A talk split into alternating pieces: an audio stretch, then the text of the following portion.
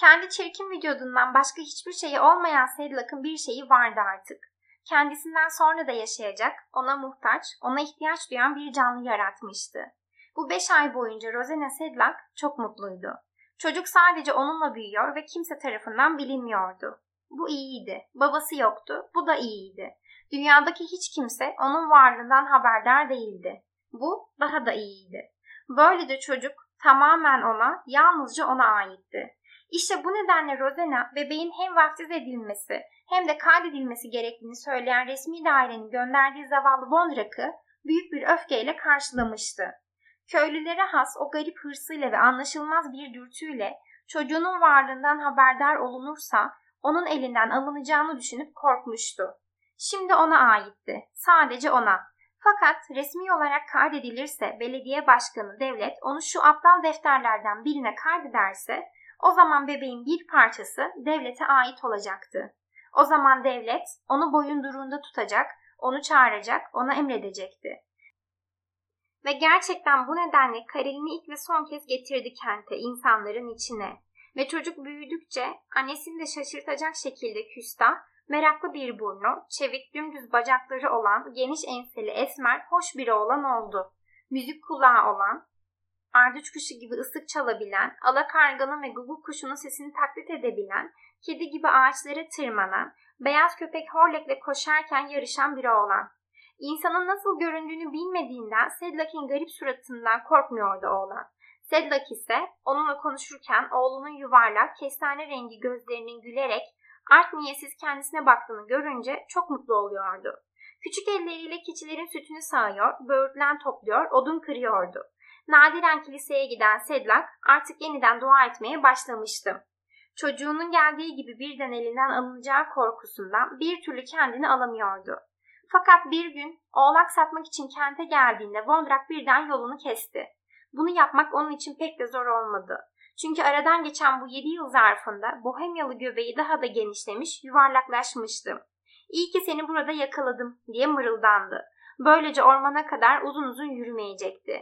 Seninle külahları değişeceğiz dedi. Yedi yaşına gelen oğlunun artık okula gitme zamanının geldiğini bilmiyor muydu Sedlak? Kadın ters ters oğlumun kaç yaşında olduğu, nereye gitmesi gerektiği seni hiç ilgilendirmez deyince Voldrak pantolonun kemerini sıktı. Geniş yüzünde bir devlet memurunun tehditkar asaletinin gölgesi belirmişti. Derken son derece kendinden emin bir şekilde belediye katibi olarak ona inatçılığı ne demek olduğunu göstermeye karar verdi. Acaba Sedlak ilk öğretim yasası diye bir şey duymamış mıydı? İki yıl önce o pahalı okul binası niçin inşa edilmişti bilmiyor muydu acaba? Derhal belediye başkanının yanına gitmeliydi. O kendisine Hristiyan bir çocuğu İmparatorluk Devleti Avusturya'da çok sevdiği ineği gibi büyütemeyeceğini iyice belletirdi. Eğer yine de istemezse hapishanede kendisi için de bir yer vardı. Çocuğunu da elinden alırlar ve bir yetimhaneye verirlerdi. Son tehdidi duyan Rosena'nın Betty benzi attı. Elbette oğlunun okula gitmesi gerektiğini o da düşünmüştü. Fakat resmi makamların bunu unutacağını ümit etmişti. Ancak belediyedeki o kahrolası defterde kayıtlıydı. O deftere kayıt olan bir daha özgür olamıyordu. Ve işte oğlunu almaya çalışacaklardı. Çünkü Karel güçlü bacaklarına rağmen her gün 8 saat yürüyüp okula gidemezdi. Ve kendisi kentte nerede yaşayabilirdi? Sonunda her zaman olduğu gibi papaz Nosal imdadına yetişti. Hafta içinde çocuk onun yanında kalacak, hafta sonunda ve tatillerde de annesinin yanına gidecekti. Yardımcısı oğluna iyi bakacaktı. Öfkeli bakışlarıyla Rosena papazın yanına kendisine dostça gülümseyen iyi yürekli şişman kadına baktı. Aslında Rosena oğlu Karel'i kendisinden daha fazla görecek bu kadının üzerine atlamayı tercih ederdi. Fakat papazdan çekindiği için kabul etmekten başka çaresi yoktu. Yüzü kül rengine döndü. Berbat yüzündeki ürpertici delikler nefretten öyle siyah görünüyordu ki zavallı kadın şeytan görmüş gibi aceleyle mutfağa koşup istavros çıkardı. O günden sonra Sedlak sık sık kente geldi. Kendisi gibi tiksinti ve nefret uyandırmayan, tam tersine yaşıtlarının çoğundan daha sağlıklı ve hayat dolu olan oğlu Kareli tertemiz giysiler içinde, önünde eğri tahtası, diğer çocuklarla okula giderken bir köşeden gururla seyretmek için tüm gece 8 saat yürüyordu. Sadece bu sahneyi görmek için 8 saatte geliyor, 8 saatte dönüyordu.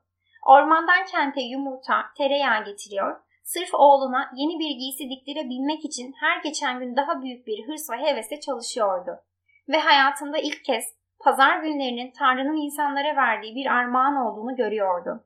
Oğlu çok güzel öğreniyordu, akıllı çalışkan bir çocuktu. Hatta papaz tüm masraflarını kendisinin karşılayacağından ve onu daha büyük okullara, daha büyük bir kente gönderebileceğinden bahsediyordu. Fakat Rosena şiddetle buna karşı koyuyordu. Oğlu burada kalacaktı. Kendi yaşadığı ormanda oduncu olacaktı. Ağır bir işte ama olsun. Oğlu yanında olacaktı. Çalışacağı yer kendi oturduğu yerden 4 saat uzaktaydı sadece. Öyle olursa oğluna yemek götürebilecek, bir saat yanında oturabilecekti. Onu her zaman görmese de uzaktan sert balta seslerini duyacak, yüreğinde hissedecek ve mutlu olacaktı. Bilecekti ki bu baltayı sallayan kendi canı, kendi gücüdür. Oğlunun dışında hiçbir şey düşünmüyordu. Hayvanları bile ihmal ediyordu. Onun için yeryüzünde oğlundan başka kimse yoktu. Bu nedenle 1914 yılında bir savaşın patlak verdiğini fark etmedi bile. Garip ama fark ettiği de sevindirici şeylerdi. Erkekler askere gittiklerinden oğlan çocuklarına daha iyi ücret ödeniyordu. Ayrıca yumurtaları ve tavuklarıyla kente geldiğinde eskiden olduğu gibi pazarda kadınları beklemesi gerekmiyordu. Hayır, onlar koşup ona yanaşıyor ve sıkı pazarlık ediyorlardı. O yumurtalarını veriyor, karşılığında para alıyordu. Bir çekmece dolusu parası vardı artık. Üç yıl daha böyle çalışırsa sonrasında oğlu Karel'le kenti taşınabilirdi. Savaş hakkında tüm bildiği bundan ibaretti. Fakat aylarla ölçülmesi neredeyse mümkün olmayan bu dönemde bir gün çalışan oğluna yemek götürdüğünde oğlu başı eğik çorbasını içerken sözcükleri yutarak bu pazar onun yanına gelemeyeceğini söyledim. Kadın şaşırdı. Neden? Doğurduğu günden beri ilk defa bir pazar günü onu göremeyecekti. Evet dedi oğlan çiğnemeye devam ederek. Diğerleriyle birlikte yoklama için Budweis'e gitmesi gerekiyordu. Yoklama, bu kelimenin ne anlama geldiğini bilemiyordu Rosena. Oğlu açıklamaya devam etti. Artık 18'liklere gelmişti sıra. Çoktandır gazetelerde yazıyordu ve dün resmi daireden yazı gelmişti. Rosena bembeyaz kesildi. Bir anda yüzündeki kan çekilmişti sanki. Oğlunun daha 18 yaşına geleceğini ve onu kendisinden koparacaklarını hiç düşünmemişti. Şimdi anlamıştı. Bu nedenle bir zamanlar onu o kahrolusu deftere kaydetmişlerdi. Belediyede o hırsızlar oğlunu kendi savaşlarına sürüklemek için yapmışlardı bunu. Orada öylece dolmuş gibi oturuyordu. Karel annesine şaşkın şaşkın baktığında ilk kez annesinden korktu. Çünkü orada oturan bir insan değildi. İlk kez o korkunç kelimeyi aklından geçirdi. Kuru kafa. Bunu söyleyen bir sınıf arkadaşının çenesine yumruğunu indirmişti. Bembeyaz, kanı çekilmiş yüzdeki gözler siyah siyah boşluğa bakıyorlardı. Etteki iki karanlık deliğin altında açılmış ağız ise boş bir mağaraya benziyordu. Karel korktu. Tam o sırada annesi ayağa kalktı, oğlunu kolundan tuttu. Gel buraya diye emretti. Sesi kırılan sert bir kemik çatırdısı gibi çıkmıştı. Oğlunu yan tarafta işçilerin aletlerini koydukları ambara götürdü. Hiç kimse yoktu orada. Kapıyı kapattı. Orada kal diye emretti oğluna. Karanlıkta sesi öbür dünyadan geliyormuş gibi çıkmıştı. Sonra elbisesinin düğmelerini açtı. Titreyen parmaklarıyla gümüş haça çıkarması biraz zaman aldı. Onu buruşuk bir bantla boynuna takmıştı. Çıkarıp pencere pervazına koydu. Al diye emretti. Yemin et. Karen ürperdi. Ne için yemin edeyim? Tanrı'nın, tüm azizlerin ve İsa'nın üzerine yemin et. Sözümden çıkmayacağına yemin et. Karel soru sormak istedi fakat annesi kemikli parmaklarıyla elini tutup haçın üzerine koydu. Dışarıdan tabak sesleri, işçilerin gülüşmeleri, yemek yerken ağız şapırdatmalarını duyuluyordu. Biraz ileride tarladan ise ağustos böceklerinin sesleri geliyordu. Ambarın içi ise çok sessizdi. Yalnızca Rosena'nın kafatası gölgenin içinden tehditkar bir şekilde parlıyordu. Bu siyah tutku Karel'i korkutuyordu. Fakat yine de yemin etti. Rosena rahat bir nefes aldı, haçı yeniden boynuna taktı.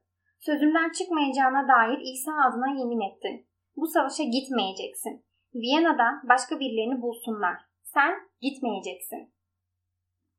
Karen bir oğlan çocuğu gibi şaşırdı ve korktu. Fakat o zaman o zaman ceza alırım. Herkes gitmek zorunda deniliyor zaten kağıtta. Hepsi de gitti. Rosena kısa ve öfkeli bir kahkaha attı. Sen gitmeyeceksin. İmparator başkalarını satın alsın. Peki ama ya beni ararlarsa? Rosena yine kısa ve öfkeli bir kahkaha attı.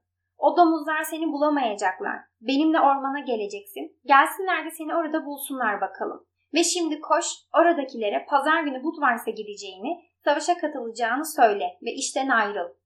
Karel söyleneni yaptı. Annesinin sorgulamayan, zayıf iradesi onda da vardı. Ve cumartesi gecesi Karel gizlice ormandaki eve gitti.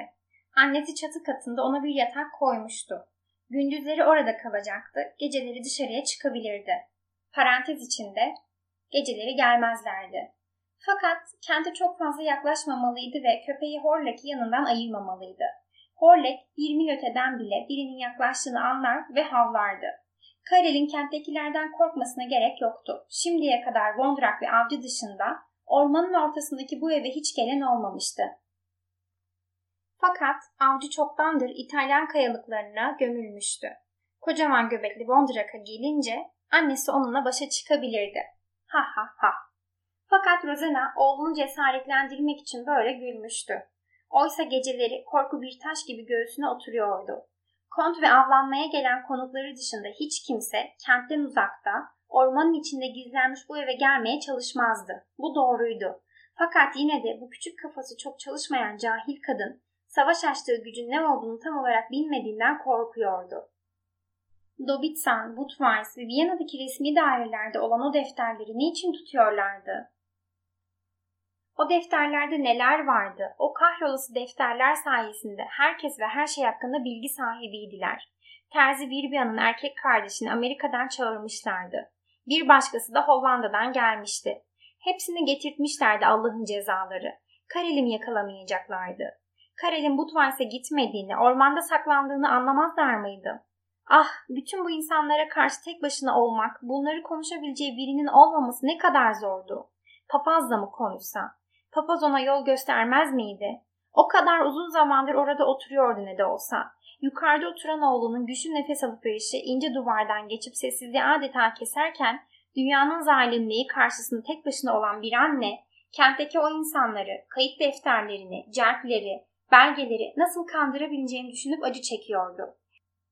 Geceleri yatakta kah sağa kah sola dönüyor, sabahlara kadar gecenin ve dehşetin karanlığında gözünü kırpmıyor, yukarıda her şeyden habersiz oğlu inlediğini duymasın diye dudaklarını ısırıyordu. Sonunda aklına bir çözüm yolu geldi. Yataktan fırladı. Eşyalarını toplayıp hızla kente gitti. Yanına yumurta almıştı. Bir sürü yumurta ve birkaç piliç bunlarla kentte kapı kapı dolaştı. Kadının biri hepsini almak istedi fakat o sadece ikisini sattı. Çünkü çok insanla konuşmayı düşünüyordu. Kentteki herkesle konuşmak istiyordu. Böylece konuştukları kentte hızlıca yayılacaktı. Kapı kapı dolaşıp şikayetini dile getirdi. Karelini, çocuğunu Budvars'a götürmüşlerdi.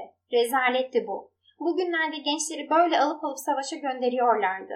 Kendisi gibi zavallı bir kadın evine ekmek getiren oğlunun alınmasına Tanrı bile razı olmazdı. Artık çocukları da askere almak zorunda kalıyorlarsa bu iş bitmiş demekti. İmparator bunu görmüyor muydu? Savaşa son vermesi gerektiğinin farkında değil miydi? İnsanlar onu dinliyor, ona acıyor, savaşa öfkelendiklerini belirtiyorlardı. Bazıları ise dikkatle arkasını dönüyor, parmağını dudağına götürerek ona dikkatli olmasını tavsiye ediyordu. Çünkü Çek halkı zaten çoktan içten içe Habsburglardan, Viyana'daki o yabancı beylerden uzaklaşmış. Rusları karşılamak ve kendi krallıklarını ilan etmek için kendi bayraklarını ve mumlarını gizlice hazırlamışlardı bile. Gizli ve görünmeyen yollardan, ağızdan ağıza dolaşan haberlerden liderleri Kramak ve Klopitsch'in cezaevinde olduğunu, kendileri için çalışan Masarkin'in sürgüne gönderildiğini hepsi biliyordu. Cephedeki askerler de Rusya ya da Sibirya'daki Alman birlikleri hakkında kesin olmayan haberler gönderiyorlardı. Yani bireysel olarak direnişe geçmeden çok önce tüm halk gizli gizli düşünsel bir direnç oluşturma konusunda anlaşmıştı. Öte yandan her türlü direnci ve her öfkeli başkaldırıyı onaylıyorlardı elbette. Bu nedenle Rosana'yı üzgün bakışlarla dinliyor, anlattıklarından dolayı ona acıyorlardı. Rosana'ya gelince o da anlattığı yalana tüm kentin inandığını görünce içten içe seviniyordu.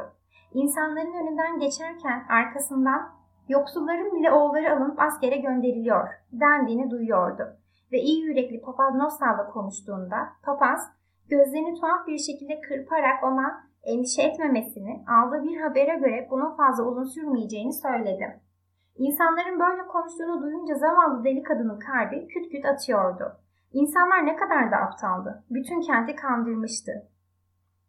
Karel'in askeri alındı, Budweis'e kadar yayılacaktı. Budweis'ten de Viyana'ya. Böylece Karel unutulacaktı. Ve sonra savaş sona erdiğinde olacakları tek başına göğüs gerecekti. Yalanını sağlamlaştırmak, başkalarının da bu yalana inanmasını sağlamak için her hafta kente geldi. Yalanını daha da büyüttü. Oğlu cepheden mektup yazmıştı. İtalya'ya gitmek zorunda kalmıştı ve çıkan yemekler çok kötüydü. Rosena her hafta ona tereyağı gönderiyordu. Fakat Allah bilir yolda çalınıyor muydu bilmiyordu. Savaştan dönsün, oğluna kavuşsun, başka bir şey istemiyordu. Bu böyle haftalarca sürdü. Fakat bir gün yine kente geldiğinde ve aynı teraneye başladığında Bondrak yanına gelip garip bir havaya bürünerek şöyle dedi. Bana gel ve bir kadeh şarap iç. Rosena hayır demeye cesaret edemedi. Fakat Wondrak'ın odasında onun karşısında tek başına kalınca ve onun kendisiyle konuşmak istediğini anladığında dizlerine kadar buz gibi oldu.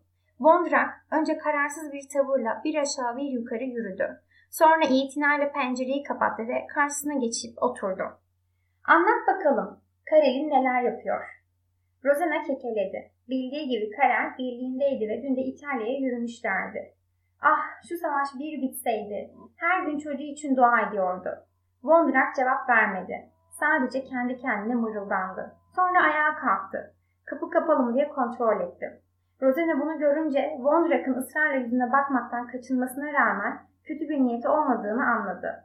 O zaman iyi diye mırıldandı Wondrak. Kendisi yani Wondrak karar gezici sıvıştım acaba diye geçirmişti aklından. Tanrı biliyor ya bu hiç onu ilgilendirmezdi. Neticede insan kendisini yabancı bir ateş atmak istemezdi elbette.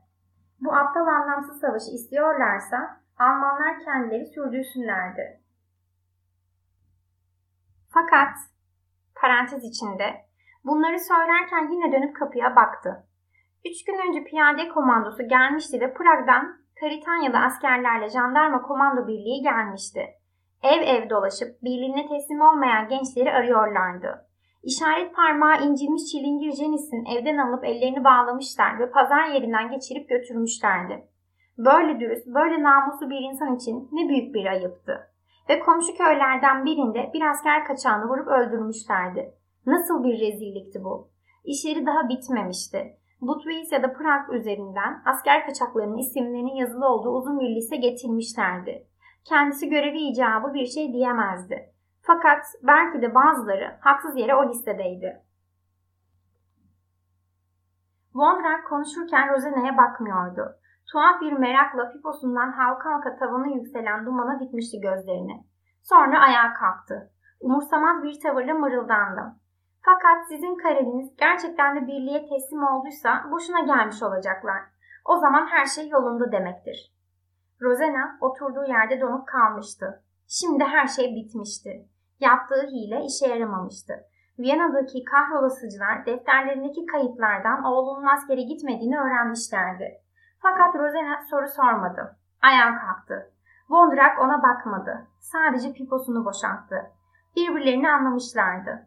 Teşekkür ederim, dedi Rosena, kekeleyerek ve çıktı.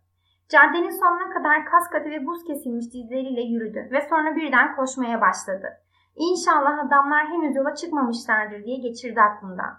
O aptal çocuk kendini savunamazdı. Gittikçe daha hızlandı. Elindeki sepeti fırlatıp attı. Terden vücuduna yapışan elbisesini parçalayıp çıkardı. Koştu, koştu. Ormanın içlerine koştu. Hayatında hiç bu kadar koşmamıştı. Uzaktan köpeğin havlamasını duyduğunda gece simsiyah çökmüştü evin üzerine. Akıllı horlek bizi uyarıyor dedi içinden. Her yer sessizdi. Tanrı'ya şükür zamanında gelmişti. Adaklar adayacağım, dualar okutacağım ve bir sürü mum yakacağım. Ömrümün sonuna kadar.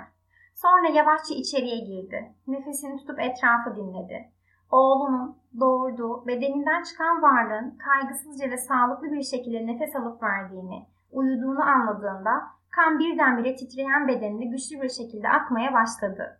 Tavan arasına giden merdivene tırmandı. Titreyen elinde mum vardı. Karen derin ve deliksiz uyuyordu. Terden ıslanmış kahverengi kalın terli gür saçları yakışıklı yüzüne dökülmüştü. Güçlü, arasından pırıl pırıl dişlerinin göründüğü geniş ağzı hafif açıktı. Mumun ışığı gölgede her şeyden habersiz, aydınlık, saf yüzünü hafif aydınlatıyordu. Rosena, oğlunun ne kadar yakışıklı ve genç olduğunu bir kez daha gördü. Yorganın üzerinde kavuşturduğu çıplak kollarında kasları beyaz kökler gibi dışarı fırlamıştı. Omuzları ise perdahlanmış mermer gibi parlıyordu. Geniş, güçlü, kuvvetli. Kendi bedeninden çıkan ve şekillendirdiği bu bedende onca yılın gücü vardı. Henüz yeni yeni erkekleşen bu bedende hayatın inanılmaz bolluğu vardı. Ve Rosena bu bedenin basit bir kağıt parçası yüzünden kendi elleriyle Viyana'ya mı teslim edecekti? Gayri ihtiyari dişlerinin arasından keskin bir kahkaha fırlayıverdi. Karen korkuyla yerinden sıçradı, silkelendi. Uyku sersemliğiyle ışığa baktı. Sonra annesini tanıdı ve güldü. Bohemyalılara has o çocuksu gülüşüyle ne oldu diye sordu tembel tembel gelinip. Eklemlerini çatırdatırken sabah mı oldu? Rosena onu sarstı. Hemen yataktan çıkması, evden gitmesi gerektiğini söyledi. Birkaç gün içinde ormanda, ormanın içlerinde ona kalacak yer hazırlayacaktı ve onu çağırıncaya kadar oradan hiçbir yere kımıldamaması gerekiyordu. Bu hafta bile sürse. Sonra kuru otlarla doldurduğu bir çuvalı sırtına attı. Oğluyla beraber gizli yollardan takriben 15 dakika kadar yürüdü. Ormanın içlerinde en geçilmez yerde bir avcı kulübesinin olduğu yere gizli yollardan geçerek geldi. Burada kalacaksın diye emretti ona ve gündüzleri ortalıklarda görünmeyecekti. Geceleri dolaşabilirdi. Yemek getireceğini söyleyerek onu sakinleştirdim. Karen her zamanki gibi itaat etti. Anlamıyordu ama itaat etti. Kadın öğleyin yemek ve tütün getireceğini söyleyerek onu rahatlattı. Sonra içi rahatlamış olarak oradan uzaklaştı. Tanrı'ya şükür onu kurtarmıştı. Evi toparlamıştı. Şimdi gelebilirlerdi. Ve gerçekten de geldiler. Kocaman bir güç. İşlerini iyi biliyorlardı. Bu konuda eğitimli oldukları belliydi. Vondrak iyi ki uyarmıştı onu. Daha yeni yatmıştı. Uzanalı ancak iki saat kadar olmuştu. Saat beşte köpek avlamaya başladı. Hiç uyuyamamış öylece yatıyordu. Yüreği neredeyse yerinden çıkacaktı. Bunlar onlardı. Düşman oradaydı. Fakat hiç oralı olmadı. Hatta aşağıda sert bir ses kapıyı açın diye bağırdığında da yerinden kıpırdamadı. Ağır ağır, olabildiğince ağır tavırlarla aşağıya indi. Kasten yüksek sesle mırıldandı. Derin uykusundan uyandırılmış gibi söylendi, küfretti. Kalın kafalı olabilirdi ama numara yapmak doğasında vardı. Yüksek sesle esnedim. Sonra nihayet kapıyı açtı. Zayıf, sabah ışığında bir jandarma subayı duruyordu. Kasketinin üzerinde çiğ taneleri vardı. Yabancı biriydi. Dört asker ve bir köpekle gelmişti. Hemen ayağını kapı aralığına dayadı. Oğlu Karen Sedlak burada mı oturuyordu bilmek istiyordu. Evet ama çoktandır yok. Gitti o. Butways'e gitti. Askerlerin yanına. Bütün kent biliyor bunu. Diye yanıtladı hızla. Biraz fazla hızlı. Dikkat çekecek kadar hızlı. Bunu söylerken insanların gözünün içine bakmayı da ihmal etmedi. Fazla itaatkar, hızlı ve rahat cevap vermemeliydi. Yoksa korktuğu anlaşılırdı. Böyle düşünmüştü. Göreceğiz diye mırıldandı subay ıslanmış kızıl bıyıklarının altından. Sonra Almanca emirler verdi. İki adam kapının önüne, ikisi evin arkasına geçti ve tüfeklerini omuzlarına aldılar. Köpek sağa sola fırladı. Kuşkuyla kendisinden uzaklaşan Bello'yu koklamaya çalıştı. Askerler yerlerini alır almaz subay Almanca bir şeyler söyledi ve sonra çekçe haydi eve giriyoruz dedi. Rosena onları takip etti. Bir yandan korkuyor, öte yandan öfkeli bir sevinç duyuyordu. Evde değil o, istediğin kadar ara diye geçirdi içinden. Boşuna. Subay hızla odaya girdi. Panjur kanatlarını açtı. Gri ışık eşyaların üzerine vurdu. Subay etrafına bakındı. Dolabı açtı, yatağın altına baktı, yastıkları kaldırdı. Hiçbir şey yoktu. Diğer odalara diye emretti. Subayı delirtmek, yormak için şöyle dedi Rosena. Benim başka odam yok. Diğer odalar saygıdeğer kontun. Saygıdeğer kont sadece bu tarafta olmama izin veriyor. Ben de bu konuda yemin ettim. Subay onu dinlemiyordu. Açın. Rosena, kontun yemek odasını, mutfağı, müştemilatı ve kontun yatak odasını gösterdi. Subay her yeri inceliyordu. Bu konuda deneyimli olduğu belliydi. Duvarları vurup yokladı. Hiçbir şey yoktu. Yüzünden öfkelendiği görülüyordu. Rosena içten içe seviniyordu. Sinsi bir sevinç duydu. Subay merdiveni işaret etti. Tavan arasına diye emretti. Rosena bir kez daha için için sevindi. Gerçekten de tavan arasında karar kalmıştı. İyi ki iyi yürekli Vondrak kendisini uyarmıştı. Yoksa bu köpekler Karel'i burada bulacaklardı. Adam merdivenleri çıktı, Rosane de arkasından. Yatağı orada duruyordu. Bir dolapta Karel'in giysileri vardı. Parantez içinde. Onları kaldırması gerekiyordu, unutmuştu. Saman yatağında düzeltmemiş olduğunu fark etti. Onu da unutmuştu. Subay da fark etmişti. Burada kimin uyuduğunu sordu. Rosane işi aptallığa vurdu. Burada lakay yatar hep. Kontun avda kendisine hizmet eden uşağı. Kontun bazen yanına iki uşak aldığı da olur. Şimdi az zamanı değil. Son olarak burada kim yattı? Hiç kimsenin yatmadığını söyledi. Fakat samanlar dağılmıştı. Kışları çoğu zaman köpek yatardı burada. Öyle mi? dedi subay sert bir tonla. Köpek öyle mi? Masaya gitti. Orada bir pipo vardı. Yarıya kadar içilmişti. Yerde küller vardı. Köpek pipo da içiyor öyle mi? Rosena cevap vermedi. Adeta dilini yutmuştu.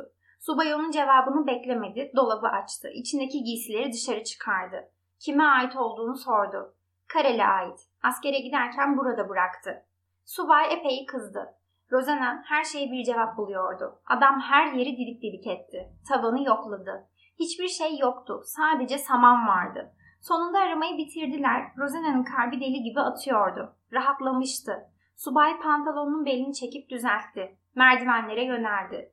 Tam o sırada Rosena şimdi gidecek kurtulduk diye geçirdi içinden. Kanı yine rahat akmaya başlamıştı. Fakat subay eşikte durdu. İki parmağını ağzına götürüp ıslık çaldı. Rosena korkuyla irkildi. Bütün vücudu titredi. Subayın ıslığı kulaklarından girip içine işlemişti. Ne olmuştu? Bilmediği bir şeyden korktuğunu hissetti.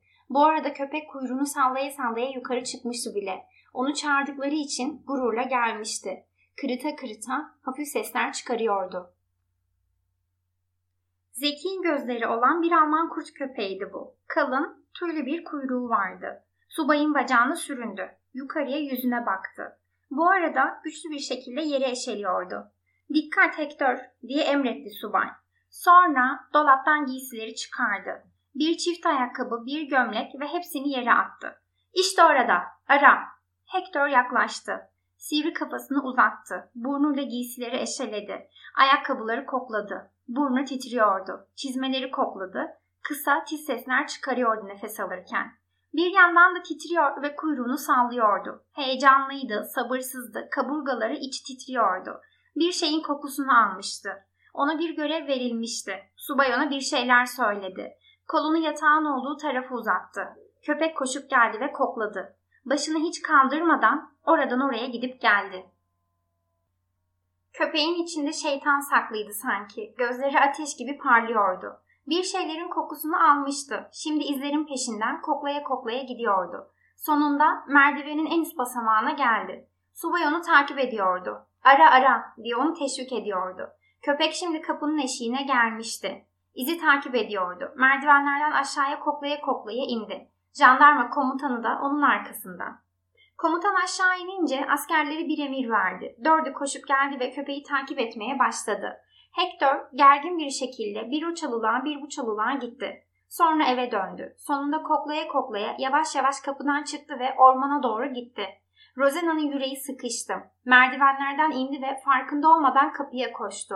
Köpeğin peşinden gitmek istedi. Ondan önce gitmek, bağırmak, uyarmak istedi. Ne yapacağını kendisi de bilmiyordu.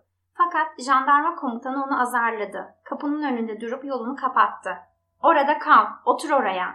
Sobanın etrafındaki kanepeyi gösterdi. Rosena cevap vermeye cesaret edemedi ve olduğu yere oturdu. Rosena askerlerin ayak seslerini duyuyordu. Mahmuzlarının sesi geliyordu. Şimdi komutanla yalnızdı. Subay da sanki Rosena orada değilmiş gibi oturdu. Piposuna hafif hafif vurup içindeki tütünü boşalttı, yeni tütün doldurdu ve tüttürmeye başladı. Ağır ağır içiyordu. Sabırla bekleyebilirdi. Çünkü neler olduğunu biliyordu.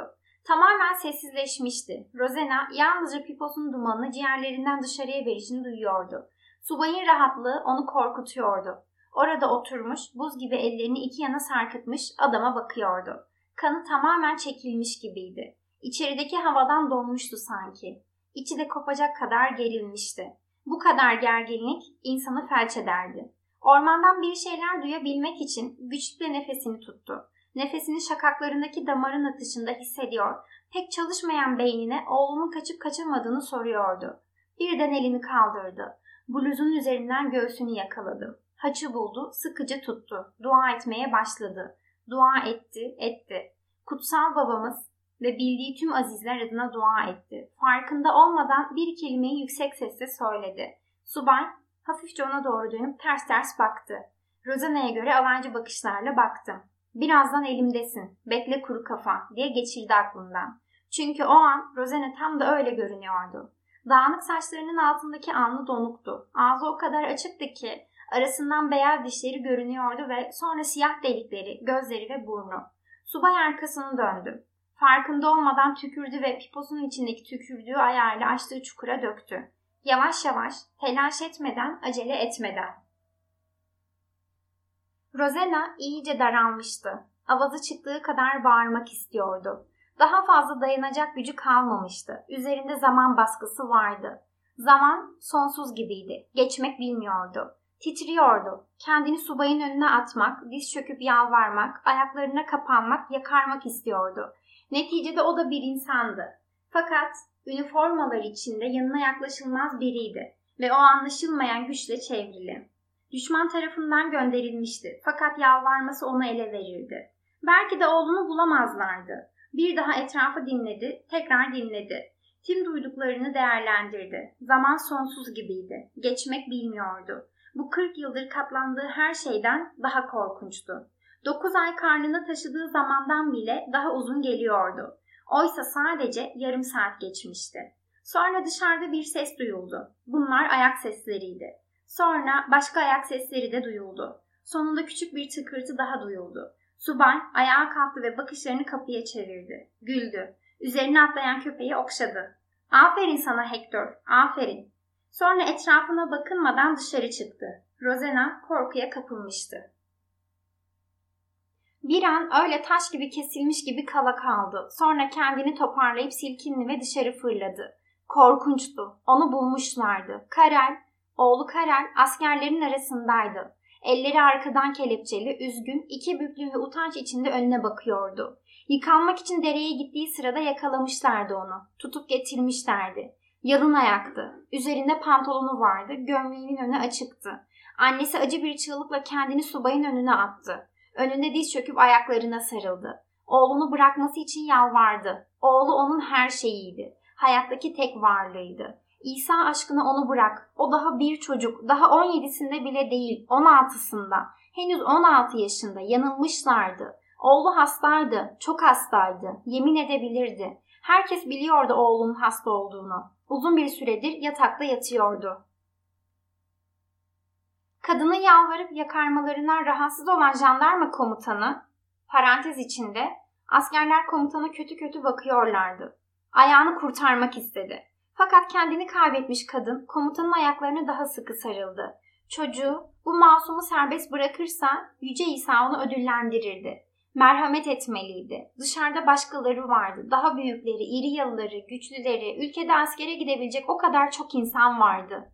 Yüce İsa aşkına. Oğlunu ona bağışlamalıydı. Tanrı bu iyiliğini karşılıksız bırakmayacaktı ve Rosena her gün onun için dua edecekti. Her gün.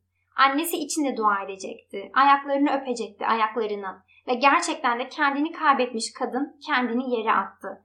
Jandarma komutanının pis, çamurlu postallarını öptü. Jandarma utandığından kabalaştı. Sert bir hareket yaparak kendini kurtardı ve çaresiz kadını itti. Nasıl da soytarılıklar yapıyordu. İmparator için binlerce insan yürümüş, kimse gıkını çıkarmamıştı. Oğlu hasta mı değil mi buna doktorlar karar verecekti. Asker kaçağı oğlunun hemen kurşuna dizilmediğine dua etsindi. Onun gibi askerden kaçan birisini kanunen kurşuna dizmek gerekirdi. Komutana kalsa oğlanı... Komutan konuşmasına devam edemedi. Çünkü o konuşurken Rosena üzerine atlamıştı. Ani bir hareketle Rosena komutana alttan öyle bir saldırmıştı ki komutan sendeledi. Rosena iki eliyle adamın gırtlağına yapıştı. Güçlü kuvvetli adam arkaya doğru sendeledi. Sonra yumruklarını savurmaya başladı ve kadına isabet ettirdi. Rosena'nın bedenini, alnını yumrukladı. Güçlü elleriyle onu sıkıca tutup eklemlerini öyle bir bastırdı ki Rosena acıyla inledi. Fakat bu kadar savunmasızken bile tıpkı bir hayvan gibi adamın kolunu ısırdı. Dişlerini geçirip öyle kaldı. Komutan acıyla bağırdım. Askerler hemen koşup geldiler. Kadını uzaklaştırdılar ve tekme tokat yerine oturttular. Jandarma komutanı acı ve öfkeden sarsılıyordu. Parantez içinde askerlerin önünde utanmıştı. Kelepçeleyin ellerini diye emir verdi. Göreceksin gününü rezil kadın. Jandarma komutanının kolu acıdan yanıyordu. Üzerindeki palto ve üniformaya rağmen dişlerini etine geçirmişti kadın. Isırdığı yer kıpkırmızı olmuştu. Hatta kanamıştı. Fakat kimsenin görmesini istemedi. Askerler kadının eline kelepçe takarken mendiliyle kolunu sardı. Sonra sakince emretti. İleri. İki kişi oğlanla önden yürüsün, iki kişi de kadınla. Askerler kadının ellerini arkadan kelepçelemişlerdi. Komutan silahını çıkarmıştı. Kıpırdayanı vururum. Askerler Karel'i ortalarına aldılar. Karel arkasını döndü. Ona ilerle dediklerinde yürümeye devam etti. Donuk gözlerle yürüyordu. Hiç itiraz etmeden adeta bir robot gibi ilerliyordu. Yaşadığı korku tüm gücünü yok etmişti. Annesi de direnç göstermeden gidiyordu. Karel'le her yere giderdi. Dünyanın öbür ucuna bile. Yeter ki onunla olsun, onun yanında kalsın. Yeter ki onu görebilsin. Geniş, güzel omuzlarını, güçlü boynunun üzerindeki kahverengi gür saçlarını, ah eziyet gören, arkadan bağlanmış güzel ellerini, bir çocuğun eli gibi küçük, tırnakları pembe, tatlı buruşukluğu olan, kendisini de çok iyi tanıdığı ellerini. Askerler olmasa da, emir olmasa da giderdi. Yeter ki oğlundan uzak olmasındı. Tek isteği onun yanında olmaktı. Çok uzun süre 8 saat kadar yürüdüğü halde yorgunluk hissetmiyordu. Çıplak ayakla yürüdüğü için tabanlarının yandığını da hissetmiyordu. Hissettiği tek şey oğlunun çok yakınında olduğuydu. Oğluna henüz sahipti ve onun yanındaydı. Hep birlikte ormanın içinden geçtiler ve tozlu şose yolda yürüdüler. Öğle vaktine haber veren çanlar şehrin üzerinden yükseliyordu. Her yer sakindi. Bu alışılmadık grup Dobitza'nın ana caddesi üzerinden geldiğinde en önde kaçmaması için sağında ve solunda yorgun birer askerin gittiği Karel göründü. Arkasından bakışları cam gibi yediği dayaklardan saçı başı dağınık, yüzü gözü yara bere içinde elleri arkadan kelepçeli Sedlak geliyordu.